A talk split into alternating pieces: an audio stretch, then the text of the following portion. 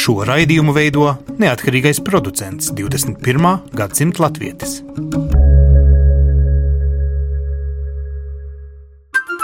Lai kur mēs būtu, Lai kur mēs būtu, Lai kur mēs būtu, Lai kur mēs būtu, Tie esam mēs. tie esam mēs. Mēs. Tie esam mēs. Mēs. Tas ir par mums. Tas ir par mums. tas ir par mums. Sveicināti! Radījums 21. gadsimta latvijas, un lai arī vienmēr pirmo reizi ētrā skanam svētdienās, šoreiz runāsim par naudu. Nevis tāpēc, ka Eiropas Latviešu apvienībai ir prasības saraksts, bet tāpēc, ka Eiropas Latviešu apvienība ar savām diskusijām vēlas iesaistīties kopējā debatē par to, kā vajadzētu nākotnē iespējams mazliet mainīt ne tikai pašu principu nodokļu sistēmā, lielāki, mazāki nodokļi darba spēkam vai patēriņam, un tās lietas, ko šobrīd eh, vērš par labu visas šīs debatas Latvijā, bet ielikt kontekstā arī, kā nodokļu sistēma attiecas pret saviem valsts piedarīgajiem, kuri faktiski kā nodokļu rezidenti pēdējos gadus dzīvojuši, pelnījuši, strādājuši, uzkrājuši arī pensiju kapitālu kaut kur citās valstīs. Taisnības labad jāatzīst, ka diasporas sabiedrībā šis jautājums pēdējos gados aktualizējies un kļūst par diezgan emocionāli uzlādētu jautājumu, kas pagaidām bez atbildes ir no Latvijas puses. Tieši tāpēc mūsu raidījums un tieši tāpēc Jāņa ķemera aprēķini.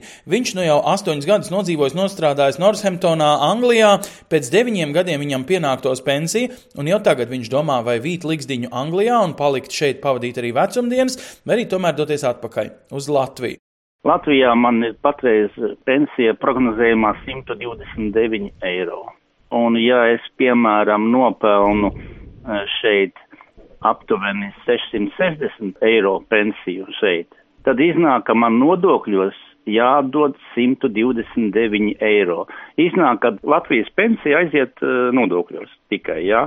Ja es šeit palieku Lielbritānijā, tad man principā, nu, pēc patreizējiem likumiem piešķir divistabu dzīvokli pilnīgi par velti. Man uh, visi ārstniecības pakalpojumi, visi ārsti, visas zāles pilnīgi pavelti. Transports, uh, neizbraucot no grāfis, ir pilnīgi pavelti. Jā, saprotiet. Un man vēl piemaksās 300 eiro katru mēnesi klāt. Jūs saprotiet, kāda starpība Latvijā es palieku parādā, un šeit man piemaksās klāt no mana viedokļa ļoti daudz nesakarīgas uh, lietas ir, jā. Tas likums darbojas tā, ka man pasaka, nebrauc uz Latviju, netērē, mums tā nauda nav vajadzīga. Tas likums tā skan manās ausīs. Mēs uh, lielākas pensijas aizvedam uz Latviju, jā, līdz ar to mēs iegūdam Latvijas ekonomikā. Ja mēs Latvijas pensiju Latvijā netērējam, bet atvedam šita te uz, uz ārzemēm, jā, tad Latvija līdz ar to mīnusā jau, jau aiziet, iet mīnusā, jo tā mūsu Latvijas pensija, plus vēl mīnusā iet ārzemju pensija.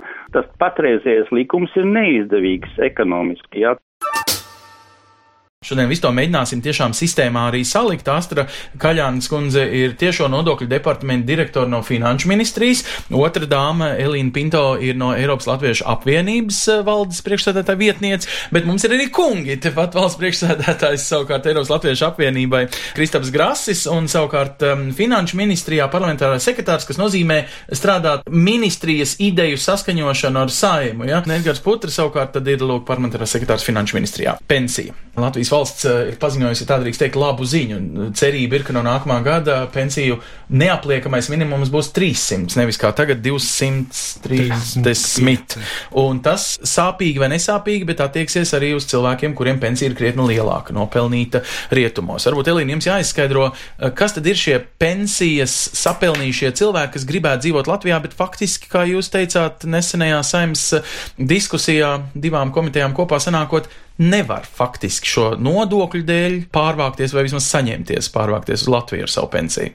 Nu, savā darbā ar, ar diasporas organizācijām un cilvēkiem mēs saskaramies ar to, ka diaspora ir ne tikai dziedāšana un dejošana, kā tas ilgus gadus ir bijis, bet arī tie pavisam reāli cilvēki ar, ar reālām dzīves problēmām un izaicinājumiem un ar veidiem, kā to risināt. Un viena no šīm te jomām ir arī nodokļi. Kristaps varēs pastāstīt arī sīkāk, mēs esam saskārušies ar to, ka Eiropā šobrīd ir vesela paudze, kas ir no Latvijas izbraukuši 90. gados vai 2000. gados, un kas šogad laikā ir ieguvuši tiesības uz savu mītnes zemju pensiju un vēlētos atgriezties Latvijā, lai šeit pavadītu vecumdienas.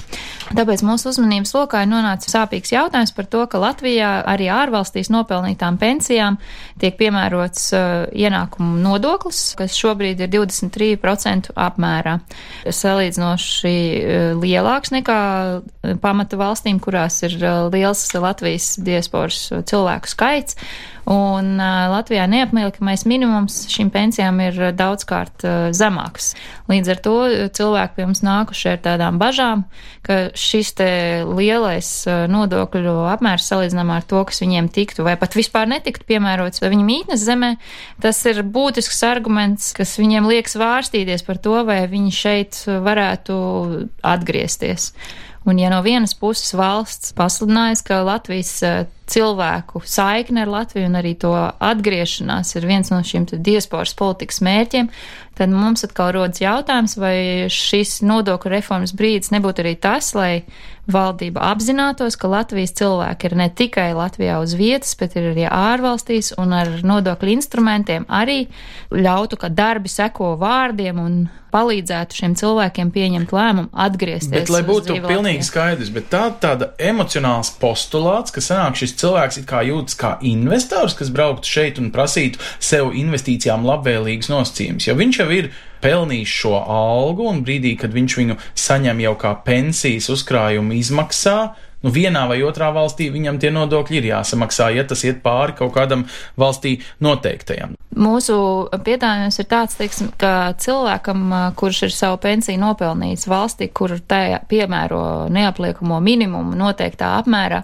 tad viņa situācija atgriežoties šeit dzīve Latvijā nevajadzētu pasliktināt salīdzinām ar to regulējumu, kurā viņš ir šo pensiju nopelnījis. Un šai jūs domājat, Latvijas... piekrīt arī vairāk deputāti, kā es Jā. dzirdēju saimnes sēdē, ka šeit risinājums ir jāmeklē. Nu, kā jums liekas, Astra, jūs arī bijāt šajā saimnes sēdes diskusijā, vai tur varētu varētu atrast kādu risinājumu, kurš vienlaikus nepadarītu noscīti tādā mazākā brāļa sajūtā, laikam, Latvijas eh, rezidējušos pensionārus? Jā, nu, pirmkārt, mums jāsaprot, ko nozīmē neapliekamais minimums. Neapliekamais minimums katrā valstī tiek noteikts no tām izmaksām, kādas ir konkrētajā valstī dzīvojot. Ja Vācijā vai Lielbritānijā ir noteikts neapliekamais minimums attiecībā uz pensionāru 5000 eiro vai 7000 eiro, tas nozīmē, ka šajā valstī pa tādiem līdzekļiem personas arī dzīvo dzīvo, un tā ir tā nodokļu politikas viena no sastāvdaļām, kura korelē ar noteikto nodokļu likmi. Savukārt Latvijā, diemžēl ņemot vērā tos oficiāli uzrādītos ienākumus, kādi ir Latvijas iedzīvotājiem, pensionāriem šis neapliekamais minimums ir 235 eiro mēnesī. Šogad. Un Jā. varētu būt 300 Jā, nākošgad. E, savukārt jaunās nodokļu politikas stratēģijas kontekstā ir plānots šo nodokļu politiku būtiski mainīt, būtiski samazināt iedzīvotāju ienākuma nodokļu likmi no 23% uz 20% tādam ienākumam, kas nepārsniedz 45 tūkstošus gadā, un vienlaicīgi pacelt visām personām neapliekamos minimumus, un tā skaitā arī pensionāriem. Un par pensionāriem šobrīd ir tās diskusijas par neapliekamo minimumu 300 eiro mēnesī. Par 65 eiro it kā vairāk šis neapliekamais minimums nekā Jā. ir tagad mēnesī. Jā. Bet es saprotu, te ir tas vienādības princips, ko ir ļoti grūti, nu, izbalansēt. Edgar, nu, jūs esat nosacīti, ja tā drīkst teikt, šīs jaunās sistēmas ideologs, tā drīkst jūs saukt, nu tad no tās ideoloģiskās pieejas, vai mēs varētu saprast, ka šis cilvēks, kas ir pieredzis savā dzīves līmenī Vācijā un gribētu pavadīt savas vecumdienas Latvijā, nu gribētu nezaudēt dēļ šīs izšķiršanās kļūt par Latvijas pilsoni, Latvijā tērēt naudu, nu būtu gal galā šī iekšzemes koprodukta cēlājs ar saviem tēriņiem. Pat ja tie ir tikai pensijas, nevis jauna darba vieta, ko viņš atved kā investors. Un šeit jāvērtē no diviem aspektiem. Viens tas, ka jau par ko mēs runājam par šo nodokļu reformu un nodokļu reformu ties pieminētie skaitļi, gan šis um, neapliekamais minimums 300 eiro, gan iedzīvot ienākumu nodokļu samazinājums, uh, viņš tiešā veidā arī skar šos uh, mūsu cilvēkus, kas vēl šobrīd ir ārvalstīs, bet domā par atgriešanos uzturēšanos Latvijā ar jau kapitālu, kas saucās pensiju. Jāatzīst, ka tas viennozīmīgi viņas arī skars, bet otrais jautājums par to, kādas ir viņa prasības pēc tam pret eh, mūsu valsti, pret mūsu valsts pakalpojumiem, pret mūsu valsts, eh, tā teikt, eh, veselības aprūpu. Viņam tāpat būs nepieciešama infrastruktūra, viņš izmantos šis cilvēks, un, un tas, protams, viss maksā. Un mēs tomēr esam salīdzinoši maza valsts ar salīdzinoši lielu infrastruktūru kā tādu, un šī infrastruktūra mums uz iedzīvotāju ir salīdzinoši dārgāka nekā varbūt citur ārvalstīs. Vai sanāk tā, tāpēc, ka šī cilvēku daudzums, par kādu mēs runājam, patiesībā ir katrs desmitais Latvijas valstī piedarīgais, bet viņš šobrīd faktiski pelna savu kapitālu ārā no Latvijas. Nu, tas ir pārāk liels uh, kumos, lai to vienkārši norītu un ļautu mīļā miera labad. Lai, jo skaidrs, ka tas rada arī emocionālu bāzi. Šis aizvainojums, ko daudz ir aizbraukuši ar tādu zinām ekonomisku aizvainojumu, tagad būtībā turpinās tā kā vēlreiz. Ja? Pārceļoties uz šejienu, jūs man vēl noģērbsiet vienu kreklu. Tā sanāk, ja? Tas ir par ko jūs runājat, Kristap, mazliet. Nu, es nezinu, vai to tik ļoti emocionāli jāskatās uz to. Man nepatīk vispār uh, aizvainojumu kontekstā eh, runāt, it sevišķi ne par eh, cilvēkiem, kas ir gatavi atgriezties. Jo radīt tādu iespēju, ka cilvēki atgriezīsies tikai tāpēc, ka viņam vispār citu izredžu vairs nav, un tā būtu pēdējā izēja viņam atgriezties savā zemē, tā būtu pārāk negatīva bilde tajā visā. Ir vienkārši tagad viena paudze eksistē, kas ir strādājusi savos, teiksim, spēka gados ārpus Latvijas valsts robežām, bet iespējams nav sapelnījusi tur tik daudz, lai viņam tai mītņu zemē ar to, ko viņš tur būtu sapelnījis, pietiktu, lai izdzīvotu tur kā pensionārs. Pa pensionāru viņam finansiāli iespējams tajā valstī īstenībā nemaz pat nebūtu pa spēkam, vai katrā ziņā viņam būtu grūti. Līdz ar to tas ir arī viens no apsvērumiem, ka viņš vēlētos pārcelties uz Latviju. Mēs nerunājam par ļoti lielām izpelnītām pensijām, mēs runājam par drīzāk maziem cipariem, ko šie cilvēki ir izpelnījuši eh, šajās valstīs. Pensiju, jā, jā. Bet tā tad uh, mums jāsaprot, ka šie cilvēki, kas, nu, laikam, minimālais ir šis desmit gadi nostrādāt vienā valstī, un tad tu vari pretendēt. Mm. Bet, nu, skaidrs, ka tie ir desmit gadi pazaudēti šeit Latvijā, mm. un tu nevari pretendēt uz pensiju, kur ir, nu, šeit nenopelnīti. Tā tad runa jau ir tikai par vienu vienīgu pensiju un viņu aplikšanu no nodokļu vienādības princips. Es dzirdu, visur visi ir vienādi bet ir atšķirības ar to, kur es esmu pilsonis un kur es esmu nodokļu rezidents. Vai te var piemērot dažādību? Mēs arī saimnes sēdē dzirdējām, ka dažādību Latvijas valsts jau ir piemērojusi nejauši noslēdzot līgumu, ka Amerikas pensionāri tiek vaļā no šīm iespējamām nodokļu likmēm pret viņu pensiju, ja tā tiek pārcelt šeit uz Latviju. Jā, Latvija pret visiem pensionāriem, neatkarīgi vai pensiju nopelnījis Latvijā vai ārvalstīs, attiecas vienādi attiecībā uz nodokļu aspektiem. Jo, ja mums pensionārs šeit dzīvo, tad pensionārs šeit izmanto pašvaldības pakalpums, pensionāram ir veselības aprūpe, ko mēs zinām, ka veselības aprūpe pensionāriem nav ļoti lēta, un Latvijā viņi tomēr skaitās daļēji bezmaksas, ja, Tad šie pakalpojumi tiek nodrošināti no valsts un pašvaldības līdzekļiem. Un līdz ar to mēs visiem šiem pensionāriem, mēs uzskatām no nodokļu aspekta, ka viņi visi ir vienādi. Pensionāram ir neapliekamais minimums 235 eiro un nodokļa likme ienākuma pārsniegumam tāda un tāda. Jo mums jāatceras, tanī brīdī, kad mēs no Latvijas, teiksim, aizbraucam uz īriju, mēs nebūtu nesakam, bet mēs gribam kaut kādu citu nodokļu sistēmu piemērot īrijā. Mēs ļoti labi saprotam, ja mēs aizbraukam uz to valsti, tad mums nodokļu sistēma ir tāda, kāda īrijā. Tanī brīdī, kad mēs braucam no īrijas mājās, mēs sakam, bet mēs visus šī valstī piemērotos labumus gribam atvest uz Latviju. Nu, tā mēs gluži nevaram darīt. Katrā valstī tās finansiālās iespējas ir tādas, kādas viņai ir, un katra pat šiem nodokļiem finansē to, kas konkrētajā gadījumā ir nepieciešams. Iedzīvotāja ienākuma nodoklis mums aiziet 80% pašvaldību budžetā. Tad mums jāprasa, ja mums, teiksim, Bauskā daudz dzīvokļu mājā dzīvo viens pensionārs, kurš ir strādājis par šoferi visu mūžu Rīgā, un otrs pensionārs, kurš ir atgriezies, teiksim, no Kanādas vai no Lielbritānijas, tad ir jautājums, kāpēc mums šiem divām personām jāsaka, ka viņiem ir atšķirīgi nodokļu režīmi. Jo tanī brīdī, ja minētās personas, teiksim, aizbrauktu uz īriju, viņām būtu tāds pats režīms kā īrijas iedzīvotājiem. Viņiem neteikt, ka jums, redziet, nav tiesības piemērot tādu nodokļu likmi, un jūs piemērojat tādu neapliekamu minimumu, kāds bija Latvijā. Tad, tad Pēc būtības nodokļi ir katras valsts suverēna lieta, un ja valsts ir pateikusi, ka mēs visus cilvēkus traktējam vienādi, kas ir no nodokļu aspekta pareizi, personām salīdzināmos apstākļos jābūt vienādam nodokļu režīmam, ir, mēs šobrīd neredzam, kā atbilstoši satversmi mēs varētu pateikt, ka vienas personas ir labākas par otrām. Vienīgais izņēmums tas ir tiešām, ja tas ir paredzēts starptautiskajos līgumos, bet starptautiskajos līgumos ir drusku savādāk. Ja tas ir paredzēts, kad Latvija piemēro šādas pašas normas, tad arī Latvijas rezidentam aizbraucot uz turieni tiek piemērotas šādas pašas normas. Tā ir divu valstu konkrēta vienošanās. Kas nozīmē, ka nākotnē ņemot vērā, ka mūsu diaspora ir koncentrēta Anglijā, Īrijā, Vācijā, Norvēģijā, nu es tagad palieku pie Eiropas tikai. Jā. Uh, mums var nākties patiesībā, lai nepazaudētu šo cilvēku, nu vispār sasaist ar Latviju, radīt šādus starpvalstu līgumus. Un pat ja tie nevienmēr ir ideāli ekonomiski iemnesīgi, bet emocionāli svarīgi katram desmitajam Latvijas pilsonim, kas nedzīvo šobrīd Latvijā, bet varētu viņā dzīvot vismaz vecumdienā. Es ļoti baidos, vai Lielbritānija tādu līgumu pieļautu ar Latvijas. Protams, negribu spekulēt, jo tas viņiem nozīmētu, ka arī, ja persona būtu nodzīvojusi visu mūžu Latvijā, teiksim, diplomātiskajā vai, teiksim, kādā citā rangā, būtu nostrādājis te kāds uzņēmuma vadītājs, tad arī viņam aizbraucot uz turieni, būtu jāpiemēro mūsu neapliekamais minimums vai Lielbritānija pret saviem iedzīvotājiem tādu modeli piemērotu, ja, ja, teiksim, ja jūs teicāt, ka Lielbritānijā ir būtiski augstāks ir neapliekami minimumi nekā Latvijā, un viņš, teiksim, dotos ar tādu neapliekamu minimumu, kāds mums ir šeit. Minētais piemērs noteikti vēl ir apskatāms. Es neesmu šobrīd apskatījusies Amerikas konvenciju, bet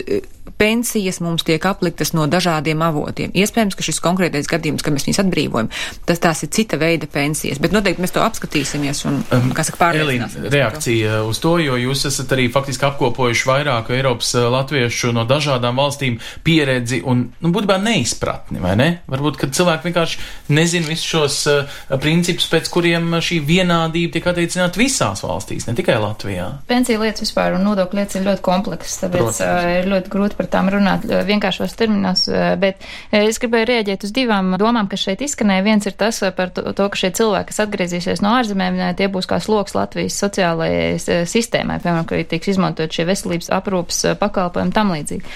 Eiropā ir 18 valstis, kuras, ja tu esi nopelnījis pensiju šajā valstī, tad neskatoties uz to, kurā valstī tu esi nodokļa rezidents, tu saglabā iespējas savus medicīniskos izdevumus sekt no attiecīgās valsts budžeta. Starp šīm valstīm ir tādas valstis, kā Zviedrija, Nīderlanda, Vācija, Austrija, Beļģija un citas, kur ir arī latvieši. Jā, bet runa ne tikai par veselības lietu, te nav gluži pensijas lieta, tā ir tāda tā kā sociālās apdrošināšanas tātad iezīmētā budžeta daļa. Pensionārs, kas no šīm valstīm atgrieztos uz dzīvi Latvijā, viņam joprojām viņa veselības aprūpes izdevumus sektu viņas bijušā mītnes zeme. Un es pieļauju, ka ņemot vērā esošās rindas un citus apstākļus, kas pastāv Latvijas veselības aprūpes sistēmā, es uh, pieļauju ar diezgan tādu lielu pārliecību, ka šie cilvēki turpinātu Latvijā nevis stāvēt bezgalīgās rindās, bet gan izmantot maksas veselības aprūpas pakalpojumus, par to saņemot atlīdzību no savas šīs nu, bijušās mītnes valsts zemes. Uh, obligātā veselības apdrošināšana turpinās arī uz tikai, pensionāriem. Jā, līdz ar to viņi tikai nestu pienesumu šim te arī veselības aprūpas budžetam. Tātad Otra... mēs varam ieteikt tiem cilvēkiem, kas šobrīd domā par savu darba dzīves sākšanu kaut kur citā valstī, izlasiet šo sarakstu ar šīm valstīm un saprotiet, uz kuru ir vērts braukt, lai sev nodrošinātu arī tādas ne tikai no pensijas, bet arī veselības aizsardzības, varbūt drošas vecumdienas. Labi, otra reakcija. Otrs varbūt ir turpinājums arī šim te bija pieminēts, ka valstīm ir suverēnās tiesības noteikt savu nodokļu politiku.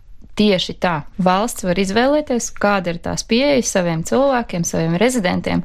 Ir valstis, kas, piemēram, tāda kā Portugāla, kas ir apzināti izvēlējušies pensiju turismu kā savas valsts politiku un ienākumu avotu, kurās arī iebraucējiem no citām valstīm tiek piemērota pazemināta iedzīvotāja ienākuma nodokļa likme attiecībā uz pensijām, un de, pirmos desmit gadus vispār netiek piemērots uh, nodoklis ārvalstīs gūtiem ienākumiem. Līdz ar to ir pieejams ļoti, ļoti plašs iespēju spektrs.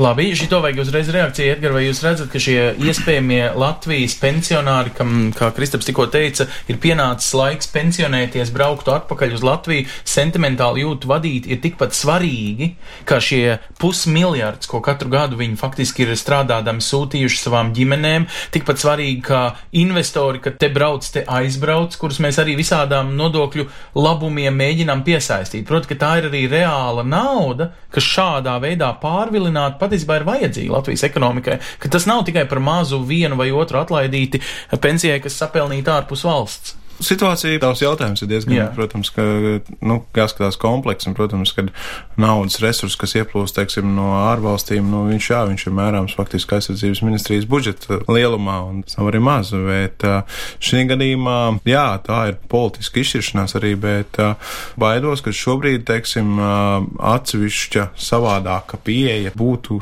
grūti aizstāvam. Teiksim. Bet tāpēc, ka nekas nav nolemts, kamēr viss nav nolemts, šobrīd visi būtībā nodokļi Latvijā ir vaļā. Nu, tātad katrs, es atvainojos, no rauj uz savu pusi. Mēs zinām, te ir viena politiska partija, kas saka, vispār atceļam nekustamā īpašuma nodokli vienai eh, konkrētam katram īpašumam. Šie cilvēki ir darba spējīgā vecumā un vienreiz jau aizbraukuši faktiski, lai pelnītu vairāk. Viņi atvedīs atpakaļ šo vairāk sapelnīto pensiju, kas ir faktiski tieši proporcionāls atblāzma no tā, ko viņi daudz vairāk ir pelnījuši, kā varējuši, ja būtu palikuši. Jā, bet, nu, tad mēs Kristaps jau arī īstenībā pieskārās, dabonam atpakaļ. Pieskārās tam jautājumu, faktiski, jā, nu, liela daļa no viņiem būs nostrādājuši tos 10, 15 gadus un būs tā pensija, nu, minimālā pensija, kas tajā valstī ir. Protams, ka tā minimāla pensija, diemžēl, pārsniedz arī vairākumu mūsu pamata iedzīvotāju pensijas apmēru kā tādu. Jā, bet tādi lielie tā... tūkstošus pelnošie pensionāri ir arī Latvijā. Nu, jā, nu, viņi nav jā, daudz. Viņi nav daudz. Ja skatāmies uz nodokļu reformu un šis te neapliekamais minimums 300 eiro eiro. Faktiski viņš skar tajā gadījumā jau vairāk gan īsti, ka 70% pensionāri. Tad tas 70% gadījumu tā pensija ir zem 300 eiro. Bet to... nav tā, ka mēs to negribam pieļaut, tāpēc, ka būt bagātam ar godīgi nopelnītiem resursiem Latvijā ir vēl aizvien netikums. Jo tas taču ir cienījami, ka viņi ar savu darbu, ar zinātnieku karjeru Zviedrijā vai kur nebūtu, ir varējuši uzkrāt lielu kapitāla, tā tad ir arī ļoti gudri cilvēki. Tad arī savās vecumdienās viņi, nu, teorētiski šeit dzīvojot, varētu papildināt Jā, protams, viņi, viņi uh, Latvijas ies, IQ. Iespējams, ja, ja nebūtu mums uz krīzes periods bijis, iespējams, ka viņi ar zināšanām savu dzīves pieredzi kā tādu būtu ļoti liels devums mūsu šī brīža IKP, un IKP būtu iespējams arī daudz augstākā līmenī. Bet, nu, jāsaka arī tas, ka tā veselība, pie kurām mēs pieskārāmies, tā ir tikai viena no lietām. Astri jau arī teica, 80% no iedzīvotāju ienākumu nodokļu nodokļi jau nu, aiziet uz pašvaldību budžetiem. Un pašvaldības ir tās pamatā, kas arī tālāk jau rūpējas par mūsu ielām, par mūsu infrastruktūru, tas tāpat kanalizācija, ūdens apgāde, tādas lietas, bez kurām mēs šobrīd bez vai iedomātos dzīvot civilizētā Mums pasaulē. Viena lieta jāizskaidro, Astrid, lūdzu, paskaidrojiet vēlreiz, es dzirdēju to saimnes sēdē izskaidrot, ka pensija, kad viņa radās un tika uzreiz iemaksāta no manas algas kaut kur ārzemēs, nekad nav bijusi aplikta ar nodokļiem, un kā arguments par to, ka tās nāk dubultā nodokļa aplikšana, gan veidojot pensiju, gan tagad saņemot izmaksās, īsti neatbilst taisnībai. Jā, brīdī, kad mēs veidojam pensiju, tā nauda, ko novirzam sociālajā budžetā, jeb pensijas uzkrāšanai, par to mēs samazinām to mūsu apliekamo ienākumu, kuram mēs piemērojam iedzīvotāju ienākumu nodokli. Tas nozīmē, ka šī nauda tiek nolikta atsevišķā speciālā budžetā un nekad nevienā brīdī nav bijusi aplikta ar iedzīvotāju ienākumu nodokli. Un šī nauda gaida to brīdi, kad tā tiks izmaksāta fiziskai personai, šai vai citai, un tanī brīdī, kad pensiju izmaksā, tad mēs piemērojam piemērojam nodokli. Tāda sistēma ir ļoti lielai daļai Eiropas Savienības valstu, ir atsevišķi izņēmumi, bet ja mēs runājam par Latviju, tad tas ir Latvijas modelis un arī minēto valstu modelis, kad sākotnēji mēs atbrīvojam iemaksas brīdī, tad, kad speciālajā budžetā maksājums tiek veikts, savukārt tanī brīdī, kad notiek izmaksas no sociālā budžeta. Pensijas veidā tanī brīdī pensiju ir tiesības aplikt. Vienlaicīgi mums jāatceras, ka tanī brīdī, kad mēs nopelnam šo pensiju, mums jau tiek piemērots neapliekamais minimums. Savukārt, tanī brīdī, kad mums ir cienījami gadi un mēs saņemam jau šo pensiju, tanī brīdī mums tiek piemērots lielāks neapliekamais minimums. Te ir tā atšķirība. Tā pati nauda, kura netika aplikta, viņa tiek uzglabāta gaidot to brīdi, kad personai Bet vajadzēs uzglabāšanas mirklī viņa nesa peļņu šim pensiju fondam, un to peļņu nopelnīja pats fonds, nevis šis pensionārs. Un tagad no šīs peļņas viņš noscīti nav guvis labumu, bet to viņam vēl apliek ar nodokli. Es redzētu, ka ir cilvēki, kas teiktu, hei, tas bija mans kapitāls. Arī kapitālu mēs apliekam ar nodokli. Ja mēs runājam par privātajiem pensiju fondiem, tad tieši uz šo uzkrāto daļu mēs piemērojam kapitāla nodokļa likmi, kas šobrīd jā, ir mazāka nekā darba spēka nodokļa likme. Savukārt nākotnē mums ir paredzēts piemērot šo vispārīgo likmi 20%. Labi, Elīnai reakcija uzreiz, Elīna. Es vienkārši domāju par to, ka ir svarīgi veikt šīs diskusijas. Arī svarīgi ir apzināties arī valsts iestādēm Latvijā, ka mēs pastāvam šobrīd Eiropā un pasaulē. Un mēs vairs nevaram domāt par cilvēkiem kā par statisku vienību, kas visu savas dzīves laikā dzīvos vienā valstī. Un, piemēram, ir veikts arī Eiropas sadarbības un attīstības organizācija apkopojums par šīm dažādajām pensiju sistēmām, jo ir valstis, kur apliek vienā brīdī, kur neapliek otrā un trešajā. Bet, piemēram, konkrēti runājot par to dubulto aplikšanu, ir valstis kā, piemēram, Vācija, Ungārija, Luksemburga un Polija, kurās nodoklis tiek uzlikts tikai pie šīs te iemaksu veikšanas brīža, un līdz ar to izmaksa netiek aplikta. Un ir arī valstis, kurās ir tiek piemērots arī šim te vēl kapitāla uzkrājuma brīdī, kā Dānija, Itālija, Portugāla un Zviedrija. Tātad, ja no šīm valstīm cilvēks atgriežas Latvijā, tad viņš jau reiz ir samaksājis savā šajā valstī nodokli par savu attiecīgo pensijas veidošanas posmu. Un līdz ar to Latvija viņam uzliek vēlreiz. Tā kā ir jādomā mums par, arī par pensionāriem, kā par mobīliem, kādas sistēmas elementiem. Interesants piemērs arī tas, pie kur es gribēju atgriezties, arī bija par šo te ASV gadījumu. Ja mēs runājam par vienlīdzību, tas ir labi, bet uh, vienmēr ir izrādās kāds vienlīdzīgāks nekā citi. Un, piemēram, 90. gadu vidū, nezinu, vai nu iespējams kā kādu simbolisku žestu attiecībā uz Latvijas trimdiniekiem ASV un to ieguldījumu Latvijas neatkarības atjaunošanā un uh, arī lobby darbu, lai stiprinātu Latvijas ceļu uz NATO. Iespējams, tādu motīvu dēļ uh, tika panākt šī konvencija, kurā ir skaidri un gaiši uzrakstīts, ja šim te cilvēkam, kurš pensiju iegūs no ASV, ja viņam tajā būtu piemērojams tāds un tāds minim, neapliekamais dzīves minimums, tad tas saglabājās arī atgriežoties uz dzīvi šeit. Līdz ar to šis modelis, ka cilvēkam, kas ir pensiju nopelnījis citur, ka viņam var saglabāt šo viņa minimālo neaizskaramo uh, līmeni, jau ir radīts. Un tagad vienkārši realitāte mainās. Realitāte ir tāda, ka Eiropā dzīvo 200 tūkstoši no šiem 370 tūkstošiem aizbraucēju. Un arī Eiropas valstīs ir nepieciešams šāds uh, regulējums, lai atspoguļot to pašu principu, kas uh, to laiku vadīja arī Latvijas valsti, lai tādu noslēgtu šīs durvis jau ir pavērtas. Tas nav nekas revolucionārs. Vienkārši mums jābūt tikpat vienlīdzīgiem kā pret Amerikas, arī pret Eiropas pensionāriem. Es domāju, klausoties eh, šajos iespējamos risinājumos, nu valsts pagaidām nav uzrakstījusi kaut kādu plānu nodibināt atsevišķus eh, līgumus ar tādām un tādām valstīm, jo tur lūk ir dažādas sistēmas, lielāka vai mazāka diaspora, lielāka vai mazāka iespēja atgriezties. Bet vai mēs varam teikt tādu, es atvainojos, ja tas ir tādas sovietiskas domāšanas ietvaros un tomēr principu, ka jā, es taču varu vecumdienas fiziski pavadīt savā dzimtenē Latvijā, Bet, nu, vēl aizvien kredītkarti un visus sociālos uh, papīrus turēt tajā valstī, kur man šī pensija ir uzkrāta. Vai tas ir pārkāpums kādam principam, ja jau mums ir personu kapitāla un kā tik vēl nebrīva kustība Eiropas Savienības valstu ietvaros vismaz? Vai es te kādu krāpju? Tas laikam nebūs nodokļu politikas jautājums, bet gribu teikt tā, ka jebkurā gadījumā kāda valsts minēto personu atzīs par nodokļu rezidentu un kādā valstī šai personai šo ienākumu apliks. Nebūs tā, ka tanī brīdī, ja viņš fiziski dzīvos Latvijā un pensiju saņems Vācijā, viņam šo pensiju neapliks.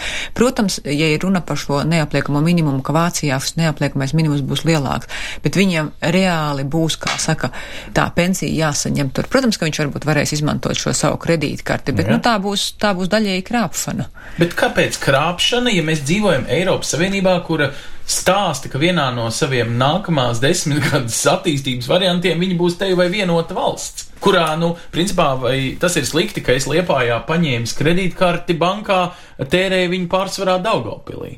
Nu, jā, tādā Eiropas līmenī domājot, tas, piedodiet, ir desmit gadus no šodienas visdrīzāk. Es vairāk domāju, kā jutīsies tie Latvijas iedzīvotāji, kuri būs nopelnījuši savu pensiju teiksim, 400 eiro, un viņiem 100 eiro apliksies ar nodokli, un blakus dzīvos, teiksim, pensionārs no Vācijas, kuram būs pensija, teiksim, 1000 vai 2000 eiro, un, un viņam šī pensija neapliksies. Labi, bet domājam no otras puses. Bet es savukārt domāju, kā Latvijas valsts, nezinu, budžetā ieinteresēts cilvēks, kas saka, cik fantastiski, ka šis Vācijā algu guvušais cilvēks tagad viņu būtībā iegulda un tērē šeit, un šīs valsts ekonomikā ar laiku cirkulē vairāk naudas. Ja šis ir aizvainojumi vai, vai tehniski iemeslu dēļ, iemesls, kāpēc būtībā noraidīt cilvēkus pārcelties vecumdienās uz šejienu. Es saprotu, ka vecumdienās cilvēki nu, pievienoto vērtību tik daudz nerada kā darba mūžām. Varbūt nav jābūt pensionāru valstī, nezinu. Varbūt ir jābūt.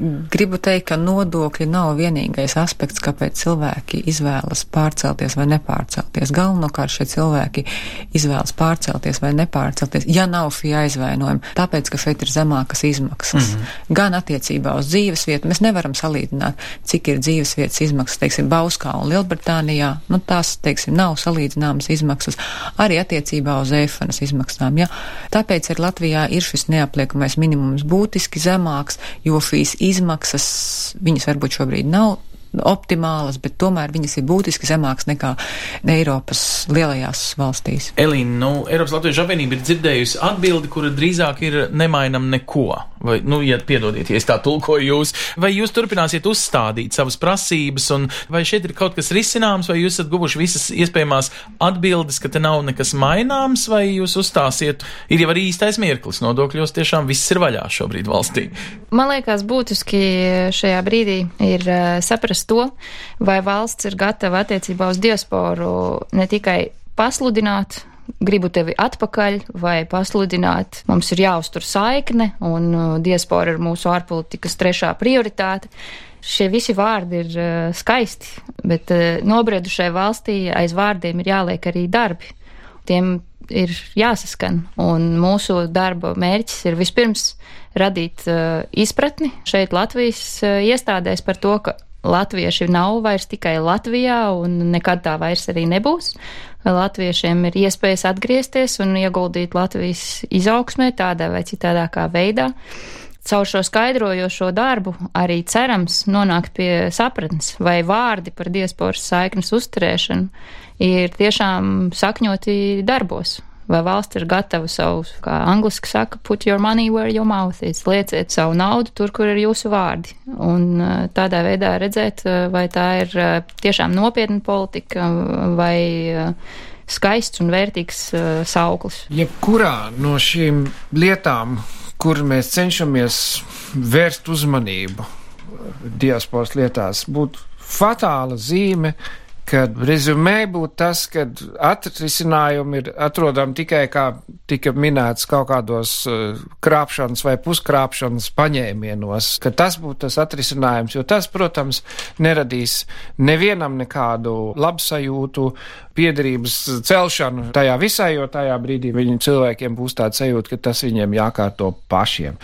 Tas, ka mēs par to diskutējam, tas liecina par pretējo ir vēlme un interese uzklausīt, un uh, šodien arī mēs dzirdējām vairākus cilvēkus, kurš teica, ka uh, runājam, meklējam risinājumus, tā ir, manuprāt, pareizā pieeja, jo vispārējais, kā teikts, kā, kā zīme attiecībā uz to, ka diaspora ne tikai dzīvo ārpus Latvijas, bet diasporā ir arī pietiekami daudz cilvēku, kas vēlas atkal dzīvot Latvijā, un kad mums ir jārada pēc iespējas vairāk un iespējams risinājums šajos jautājumos, tas ir manās acīs nepieciešams. Te mēs liekam punktu tikai tāpēc diskusijai, lai to turpinātu mazliet jau citā gaismā nākamajā redzījumā, kad mēs varētu parunāt par iedzīvotāju ienākumu nodokli. Arī tam ir eh, tendence būt pārskatītam Latvijā, un arī tur ir vairākas intereses eh, par saucamajiem dāvinājumiem un pārskaitījumiem dažādiem mērķiem. Ne tikai vecmāmiņas iespēja aiziet uz veikalu, arī tādām cēlām lietām kā veselības eh, citreiz saglābšana un dzīvības glābšana vai izglītošanās, kad ārzemju latviešu radi pārskaita saviem latviešu radiem šeit Latvijā naudas summu, kas atkal jau jāpliek ar nodokļiem, bet tas nākamajā redzījumā. Atvedamies eh, šeit ar um, ik nedēļas apskatu par to, kas aktuāls diasporas sabiedrībai ārpus Latvijas. Uz redzēšanos!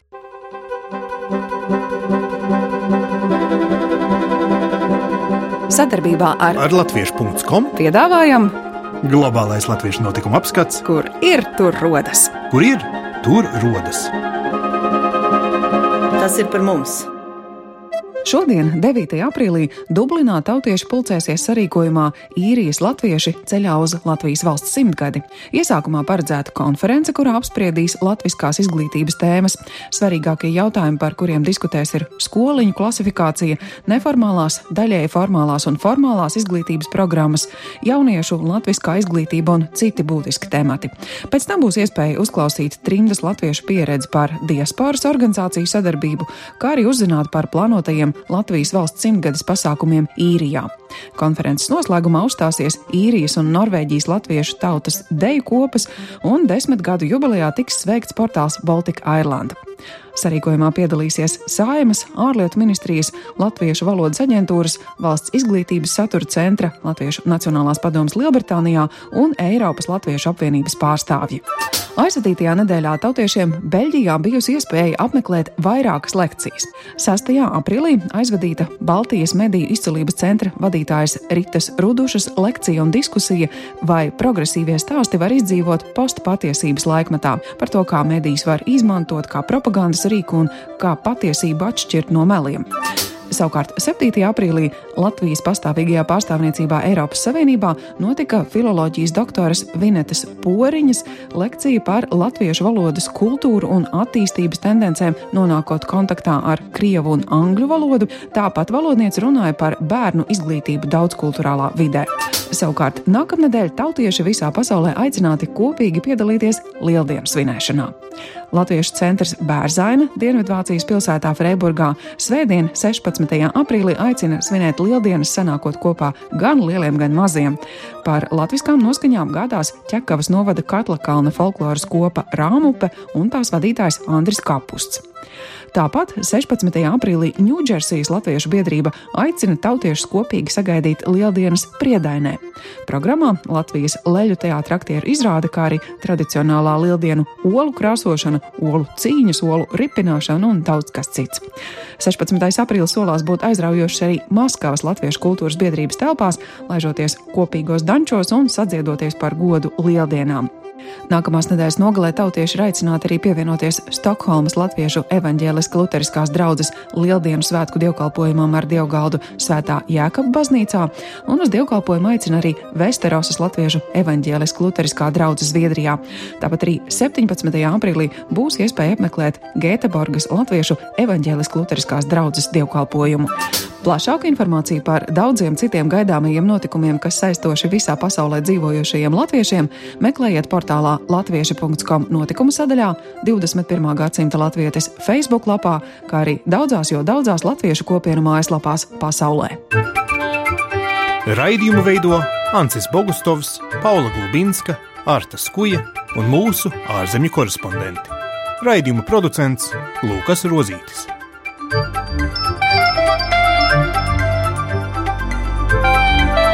Lai kur mēs būtu, lai kur mēs būtu, tas ir par mums. Tie esam mēs. Tas ir par mums. Tie esam mēs. Tie esam mēs. Tie esam mēs.